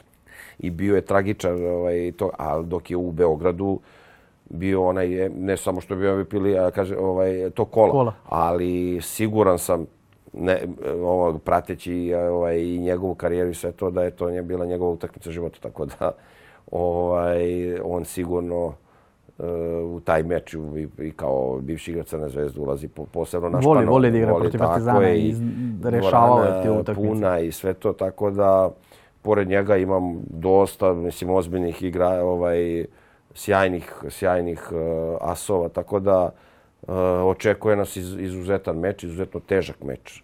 Ovaj, važan, eh, možda u ovom trenutku gledajući tabelu daleko bitniji po Partizan nego po Fenerbahče. Tako da, ali vidjet ćemo ovaj, sa kako će ono koliko će igrača da biti raspoloženo tokom utakmice, onda da li će Panter koji je pokazalo se ovaj mnogo mnogo fali Partizanu, da li će ovaj igrati, da li će nadamo se, pričali smo s Majlegiću, ajde to se nadamo se, ali opet vidjećemo to tek za dva dana. Tako da stvarno sa nestrpljenjem očekuje taj meč koji će biti možda i ovaj po meni i meč kola. Ovaj, tako da mnogo stvari, ovaj, mnogo stvari koje, koje vezuju ovaj, dva kluba, sad si spomenuo tako Madara, ovaj, koje eto, na, na, preko leta što se sve to izdešavalo i to, ali mislim da je tu ovaj najmanje kriv ovaj mislim najmanje kriv igrač i sve to koliko je on eh, neke stvari znamo da nekad ne, ne donose odluke samo igrači mm -hmm da si pod uticajem i menadžera i sve to. Tako da te ovaj ne bih voleo stvarno radi se o sjajnom momku i sjajno vaspitanom momku i sve to je naravno ovaj definitivno ne može se kaj dobiće kao i svi ostali zvižduke ne bih voleo da to bude nešto preterano jer stvarno ovaj dve godine on e, bio u Partizanu i ostaje sjajni utisak. Krivom i apsolutno i mislim da je napravio veliku grešku. Ovaj, mm -hmm. A kad kažemo on dalje pod uticajem nekoga drugog ili šta god, ovaj, zato što bi imao izuzetno veću ulogu i da bi on još na, na velika vrata tek da onda nakon godinu je nadogradio i onda kada pređeš uh, kao već jedno formirano i zvučno ime ovaj u neki klub veliki, onda je drugačije te i uh, posmatraju drugačiju ulogu, imaš drugačiju minutažu. On će i ovdje se boriti i bori se i dalje za minutažu. Nema on ne znam kakvu sad minutažu u Feneru ovaj, opet unosi energiju. Tako da, gledajući sad s ove tačke, mislim da je napravio veliku grešku. U trećoj godini sa Željkom i radi u Partizanu i publika i sve to, ali jednostavno, verovatno su to i financije ovaj, presudile šta god, ali, ali ono, vratio bi se, ne bih voleo i stvarno, ako mogu da i da zamolim navijača Partizana da, da ne preteruju. Zvižduci su sastavni deo i to, ali samo da se ne ide previše i da to bude ovaj, jednostavno stvarno radi se o sjajnom momku, tako da vidjet ćemo sad, to je ono, još će se o tome pričati, pretpostavljam da će i Željko to još ovaj, ponoviti, ali niko to ne bi voleo, ali eto, ostaje žali. Stvarno, jedan, bi bio jedan od omiljenih igrača ovaj, protekle dve sezone. Kad smo kod Fenera i kad smo kod Madara, baš za mene, opet kažem, više volim to tebi da prepustim nekad kao bivšem igraču, a, našem velikom bivšem igraču. Neverovatna situacija se desila Fener Olimpijakos. Kako se završila ta utakmica, e, Fener Bakče je dobio 79-77. E, posljednji napad ima Olimpijakos, Nigel Williams Goss je organizovao, čekao, krenuo na prodor ja kažem, nisam bio na utakmici, ne mogu kažem kako je tuži izgledalo, ali svi živi u televizijskom prenosu i na snimcima se videlo kako Madar u želji da izbije loptu udara po ruci. Mislim, što bi se reklo, jedan kroz jedan faul, e, sve, e sad, rešava se utakmica, lopta izlazi, gost nekako uspeva da je, da je, da izbaci tu i Milutinov bio na skoku, hoće, neće da je čačka, da, da li će ona da uđe, neće. Na kraju nije ušla. Sudije su svirale kraj, a, sudije su bile, bio je Roča, Fernando Roča, naš Uroš Nikolić i Sašo Petek. Meni je nevjerovatno da ono niko nije video kao faul, da nije video kontakt. Ok, domaći teren, na neki način, to si mi ovaj, nagovestio pre nego što smo se upalili, ali ne znam, prosto neka nevjerovatna situacija za, za evroligašku košarku i Olimpijako se izdu čak i neko zvanično, ne čak neko, nego se zvanično žalio i rekao da, da je ta sudijska odluka, odnosno e, nepozivanje faula sve odlučilo utakmicu, pa, pa definitivno rešilo pitanje pobednika. Pa da, radilo se, mislim, zadnji napad, definitivno, ovaj, bilo je tako, pola, dva koša ili pola, pola koša? Ne, ne, 79-77 dva koša, to je bio šut za, za I kraj posle toga, da, da. Tako je, a, a isto tako svedoci smo gledanja snimka, trajalo jedno tri minuta, ako ne i pet. Stvarno je bilo, never, ne, u jednom trenutku ne znaš ko je izbacio, da li je lopta za Fenerbahče bio u napadu, u skoku to i na kraju presudili su korist Olimpijakosa. Sa te strane tu je bila odluka za Olimpijakos a i, ali nije ništa bilo toliko čisto. Ja kažem, i u tom trenutku je moglo da se, međutim, bila je lopta. E sad, ovo što ti pričaš, videlo se da je to faul. E sad, ono što, recimo, faul je bio, nije bio na šutu. Znači, u trenutku kada on prolazi, tada je bio, ovaj, on je u nameri da, da izbije okay, loptu, kao što rekao. Da, nakon toga je Nigel Goss napravio još dva koraka.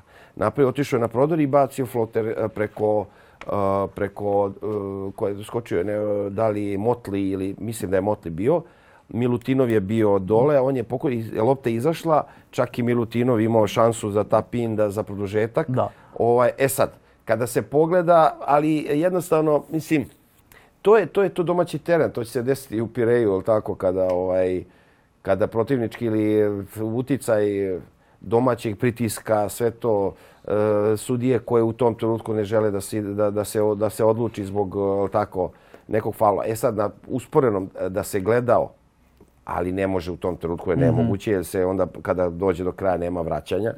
Ovaj recimo da je u tom trenutku da se gledalo naravno da bi sudije preinačile svoju odluku. Međutim to je bilo i naravno svako ima pravo, ima pravo Olimpijakos i da napiše i sve to u rok službe ide tako da moglo je da bude kada se vidi da tako da u trenutku kada on tačno se videlo ovde ga Da, da, tačno se vidi da, tako da ovaj e ono što je ovaj što je možda, ajde da kažemo, olakšavajuće, ako, ako to mogu kažem sudije, to što je nakon toga on imao još dva koraka i onda je on šutno, znači nije, e, nije uticao taj Ali verujem da su bili u bonusu. Ali u bonu ne, to bi bila definitivno dva baca. U bacanje i to koliko bi ostalo, možda Feneru bi ostalo, to je bilo na 2-3 sekunde do kraja. kraj možda, da. Tako je, ostalo bi, ali jednostavno to i oni, ovaj, kaže, ima i sudijskih grešaka, znamo da niko nije savršen, tako da, ovaj, ali ko izgubi tako će isto bi bilo i suprotno da se desilo. Možda i ona, recimo da je Olimpijako zdao trojku za pobedu u napadu, Fener bi izdao saopštenje kako je na onom snimku da je bila lopta za Fener. Tako da, da će toga biti, ovaj, ali na snimku se videlo da je, da je bio faul. da je bio očigledan faul, da. Uh, Virtus smo rekli 5-1 uz Valenciju. Virtus ako sam rekao Barsa na najprijatnije iznenađenje, nešto me svi iznenađuju, ali od Virtusa to zaista niko nije očekivao. Na 5-1, gdje je Toko Šengelija MVP, tak, mislim MVP sezone za sada bez premca, sa nekim, ne kažem suludim brojkama, ali sa nekim sjajnim brojkama koje je. Kažu sljedeće da je na 18,5 poena, 4,8 skoka u proseku, na preko 4 asistencije, da mu indeks skoro 25 po utakmici, gdje je Virtus dobio Efes u Bolonji u posljednjoj ovoj utakmici gdje je pre toga, ne mislim pre toga, ne direktno pre toga, ali je dobio i Monaco u gostima, gdje onako zaista, uh, što si rekao, dosta izjednačenih ekipa. E sad, da li će Virtus igrati u ovom ritmu do kraja? Teško je poverovati. Da li se očekuje neki pad? Da. Da li se očekuje neki drastičan pad? Opet i to je pitanje. E, ono gde znamo da je pad definitivno, to je Armani. Armani biva Armani ovaj, i izgubio je kod kuće od Monaka. Da, prošle meni, nedelje smo... Meni je tu zanimljiva situacija sa, sa Armanijem, odnosno sa Majkom Jamesom i Sašom Obradovićem, gdje, gdje Saša drži time out i viče ne treba nam trojka, nije nam neophodno, nije strašno, ne mora trojka. Naravno, James, ko James, svoje opalio trojku, pogodio, što smo rekli da nije pogodio, ja go vjerojatno bi bilo, evo nije poslušao tako trenera, ovako tako. je pogodio pa su pobedili i to je bilo, bilo je jedan razlike, trojka je bila za 66-70, da, da Monako ode na 4 i to je bilo 14 sekundi pre kraja. Gde čovek u svom stilu rešao, stvarno Monako, ovaj Monako, Armani, no, ono, ona ekipa ne može da liči ni ne, na što onako više. Još prošle nedelje, ja kažem, kao najneprijatnije, ja kažem, već kao i prošla sezona, čak mi je sad ove gora nego prošla sezona koja je isto... A doveli su Mirotića. A doveli Mirotića i zadržali isti tim i to, tako da ne znam, nemam uopšte objašnjenje za, za, za ovakvu situaciju. Pritom, od, od sedam utakmica oni su četiri igrali kod kuće. Znači oni su imali super i raspaj, bolj više utakmica, igrali su protiv jakih protivnika u gostima, ali 1-6. oni treba da budu jaki. Ne, naravno, nevjerovatno, mislim, zvuči nevjerovatno da je 1-6 a igraš četiri kod kuće isto. U, u domaćem prvenstvu su izgubili od, na, od Napolija i od e, Pezara. Od Pezara u, u, u Milanu.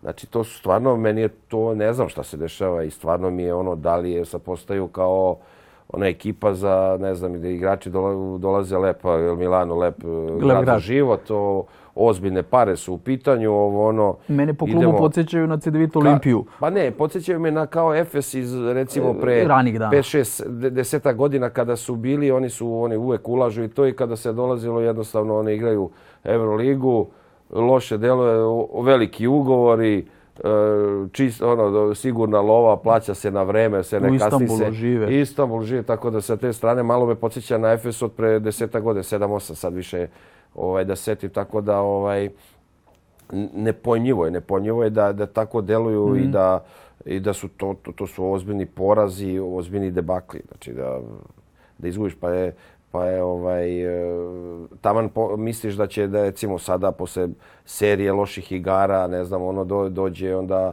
dođemo na dođe Makabi, ili tako koji u ne znam nikakvo je nešto preterano dobroj formi ne, sve ne treniraju van ne kuće treniraju, svega. Van treniraju dođu pobedete u Milanu. Tako da A da je predsjednik? Ozbiljan, ozbiljan, ovaj, a raspored još da kažem, gledajući četiri sigro kod kuće.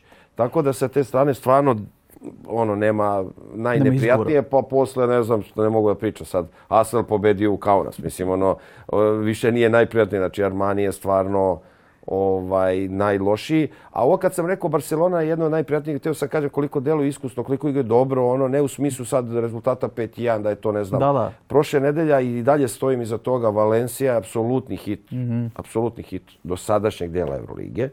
Niko nije, to je taj tim uh, doživljavao kao da može da bude u nekom uh, vrhu vrhu, gornjem delu, ovaj, a sada deli to drugo mesto, ovaj, i igraju sjajno i stvarno da neko recimo ne pamtim da je neko Žalgirisa razbio 20 i više razlika i to tokom čitave utakmice ovaj, u Kaunasu. Ovaj, I stvarno, stvarno sjajno, stvarno deluju i kao i timski i, i sjajno vođeni, iako je on tako sa Mumbrom ovaj, delovao onako neiskusno, to stvarno sa te strane kapa dole u španskom prvenstvu isto i sjajno stoje. Sinoć su izgubili to sam gledao tu utakmicu protiv Juventuda mm. u Badaloni, ali upravo ovaj razmišlja da pre za Euroligu odmarao je uh, Davisa, apsolutno najbolje njihovog igrača centra, neki igrači koji igraju veću minutažu odmarao, tako da je to sve to špansko prvenstvo se malo, kalkuliš. gleda, malo kalkuliše. Juventud odigrao sjajno, ovaj, ali uh, definitivno Euroligi, tako da Valencija i ovo što si rekao, Virtus stvarno nakon isto prošle godine turbulentno onako gore dole, ali isto loša, loša sezona. sezona. da se ne lažemo. Ovaj, zadržali su, da kažem, taj tim, ono, doveli par dobrih pojačanja. I sada je onako, euforija je, Bolonja je takav grad da lako ovaj, se zapali euforično. Je. E sad, ruku na srce, kad se pogleda raspored, imali su ovaj, sjajan. I sad kad se kaže, mm -hmm. dobili su Efes u Bolonji, nije to, ne znam kad, znamo u kakvom situaciji Efes ne stoji dobro ni Efes i ne, ne izgleda dobro ovaj, imali su na Albu, terenu. imali su Asvel. Tako je, a to su sve e, timovi koje ono, ono recimo velika pobjeda je apsolutno i to mi je bilo u Monaku i to Da. pobjeda od 20 razlike, da, da. znači nije to pobjeda na, jedan, na jednu loptu. E sad vidjet ćemo kada dođu, tek dolaze najteži protivnici, ali ovaj, imao je, ima, Virtus imao dobar raspored, tako da to, pa vidio, ali sada definitivno nekoliko ekipa konkuriše za sam vrh. Evo sada imamo četiri ekipe sa jednim porazom, jednu ekipu bez poraza, dobri se utakmicom manje, tako da ovaj, vidjet ćemo. Delo na samom početku se pokazalo kao i prošle godine da će biti jako, jako interesantna Euroliga, izuzetno ujednačena, tako da i bit će tu ovaj, raznih i dobrih i loših rezultata, loših serija, dobrih serija, tako da vidjet ćemo. Pričali smo tako mi kad god ove se kad god ovaj ponedjeljkom ovaj pričamo u podcastu o, o tim stvarima, pritiscima, to kada neki loši rezultati smene trenera i to nekoliko se već desilo je tako ono Nažalost, što nas jedan je nažalost, da, Nenad sa, Čanak, sa Čankom, drugi ali to je ali to je pokazatelj da da to da, da, da nema taj klub nema neku Težinu, veliku težinu da i da sačuva, ljudi da. koji rade da, da reaguju na te pritiske sa strane koji nemaju veze sa vezom. Znači, ako si ozbiljan klub, ako imaš ozbiljan menadžment, ozbiljnog sportskog direktora i ljude koji tome razmišljaju ne reaguju da nakon četiri kola, to je, to je smešno, deluje, Mm. da ti nekoga e, ovaj, e, smenjuješ nakon četiri kola, ali eto, pokazalo se da to ništa sad, ne znam, sjajno će donese, na, opet su nastavili jednostavno, mislim da je loše sklopljen tim, sad koliko je tu, sad i to treba imati u obzir koliko je tu Čanak ovaj, mogao da utiče na kompletan igrački kadar malo. i sve to, ali ono što me posebno radio, a to je on je već stvorio, ovaj, e, izgradio svoje e, ime u Letkabelisu i naravno oni su ga isto maltene, ja ne znam da li je prošlo tri dana kada se on vratio, tako da vratio se na svoje, tamo se super ovaj, osjeća, pa ovaj, do nekog, što kaže, ovaj, novog kluba, radit će u klubu koji, gde ima apsolutnu podršku, gde ima apsolutnu slobodu. To pokazuju rezultati. Tako da, eto, držim fige i verujem da će Čanke ovaj, vrlo brzo opet dobiti ovaj, neku ponudu dobrog... Za iskorak. Za iskorak dobrog, da li tima u Evrokupu, da li tima, ja bih voleo jednog dana i u Evroligi da ga vidim perspektivan mlad trener, tako da, ali m, Turska je specifična osim Efesa, Fenerbahče i to sve ostalo, to, to su ekipe koje bljestu jednu sezonu pa i nema, Nema. 10 godina, oni reaguju, što kaže, pritisci sa tribina, sa društvenih mreža i to, to, ali tu, tu se onda pokaže ko je ozbiljan klub. Moram samo još ovo, kad smo ovaj, rekao Žalgiris e, nije izgubio 20 razlike, ne pamti kod kuće. Žalgiris je izgubio dve za redom kod kuće, tek se to ne pamti. Žalgiris je izgubio od Asvela. Ali od Asvela, nevjerovatno, Asvel od nevjerovatno, januara nije imao pobedu u Euroligi. Asvel e, 18 vezanih poraza je imao, e, došao je Poceko, na drugoj utakmici je pobedio. Ja sad kažem, i to smo isto pominjali, Poceko se možda... Ali je i na prvoj bio na, na na, blizu. na jednu loptu. Tako je. I tad je pričao igračima, nebitno mi ako izgubite, ja vidim stra, ja vidim ovo, ja vidim ono.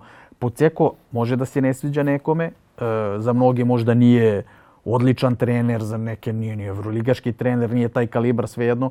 A, ali Gianmarco Poceko ima tu svoju karakterističnu, karakterističnu energiju, ludačku, ima ne, ono nešto što ga razlikuje. On se zaleteo u igrače kao u drugare. skočio, Mi na terminu se tako ne, ne obraduješ kao sad kad ne znam šta radiš ili da si, kao da je osvojio ne znam šta, on se zaleteo u igrače, skočio, grlio ih, ljubio. Znamo šta je radio isto kad je Janis uskočio u naručju u sred tu ovaj hodnika tamo na prvenstvu. E, Poceko, e, sad da budemo iskreni, možda nam ne bi bio toliko nekim antipatičan da nam nije stvorio noćne more sa reprezentacijom Italije. I ovaj, ne znam, možda nije najbolji trener na svetu, sigurno nije. Pa dobro, možda nije nije, odličan, ali ja e, stojim pri tome da je nešto što je trebalo u Euroligi. Pa dobro, on je neverovatno harizmatičan, takav bio i kao igrač. Da. On je ono, ovaj, što kaže, da, trojku pa ovaj avion, Vozi ono, avion. Aca Petrović i to, tako da ovaj, eh, harizmatičan, eh, nasmejan, uvek ono, ne možeš da ga vidiš ono jednostavno, ali dobro i, i onako, i, i glumac je i sve to gleda i, i zna tačno kada ga snima kam ja sam gledao sad na evropskom prvenstvu na svetskom prvenstvu i to malo malo i kad ga prikaže kamerom on tačno zna u svako sve vreme gleda kad će kamera tako da ovaj e sad to je ne, nešto nje, jače od njega što ovaj što možda eto nije dobro za imidž jednog ako želi da postane ozbiljan košarkaš trener ako voli da je ovaj u svakom trenutku u centru pažnje ali to da je harizmatičan da je da, da ima neverovatnu energiju i to u, pogotovo u početku kada dođe u neki klub delo je jako dobro i evo mm. pokazalo se znači on je opustio ekipu koja sada mi ne znamo koliki je ne nemaju oni preterani pritisak ovaj e, rezultata pa sad su ali oni ono lepo izgubiti ali 9 sigurno mjeseci. tamo njihove tako je i već su oni na, kad te neko karakteriše kao edi ovo mislim ja sam prvi koji će i dan danas mislim bez obzira što su pobedili mislim da oni ne ne vidim njihovu mm.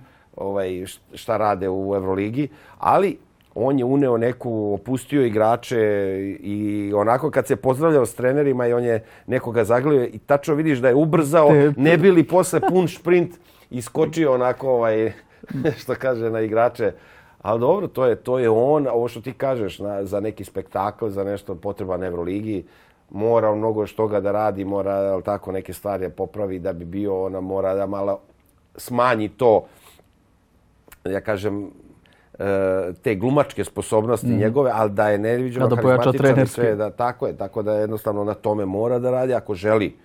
Tako, ako će večito da ostane to, onda to nekad, jel tako, u početku kada se pobedi, deluje jako simpatično to, ali kad počne serija poraza ili kad uđe u loše igre, onda i, ovaj, i, kož, i navijači i se to i javnost onda drugačije reaguju, jel tako? Onda će kaže šta više, be dosta, znaš to. Prestani tako sa da, prestani, Tako da, ali sve je pitanje, ja kažemo, ovaj, da, da li se pobedi, da li se loš, izgubi. Znači, koliko njima znači, verovatno će videti u, u nastavku, ali i oni su imali, sad je to neko breme, jel tako, veliko, da nisu, pošto ti kažeš, 18, 18 utakmice a nisu a, na gost, ali to gostovanje bilo ne, ne, sad. ukupno, ukupno. Pa da, ukupno, a recimo a možda gostovanja, ko zna, da, ko zna u gostima, da. Ko zna kad su dobili zadnji put da, da. u gostima. Tako da, sa te strane, ali neverovatno iznenađenje. Ne, sad Žalgiri dalje to sad ušu neku od izuzetno dobrog starta, sad vezali dva poraza.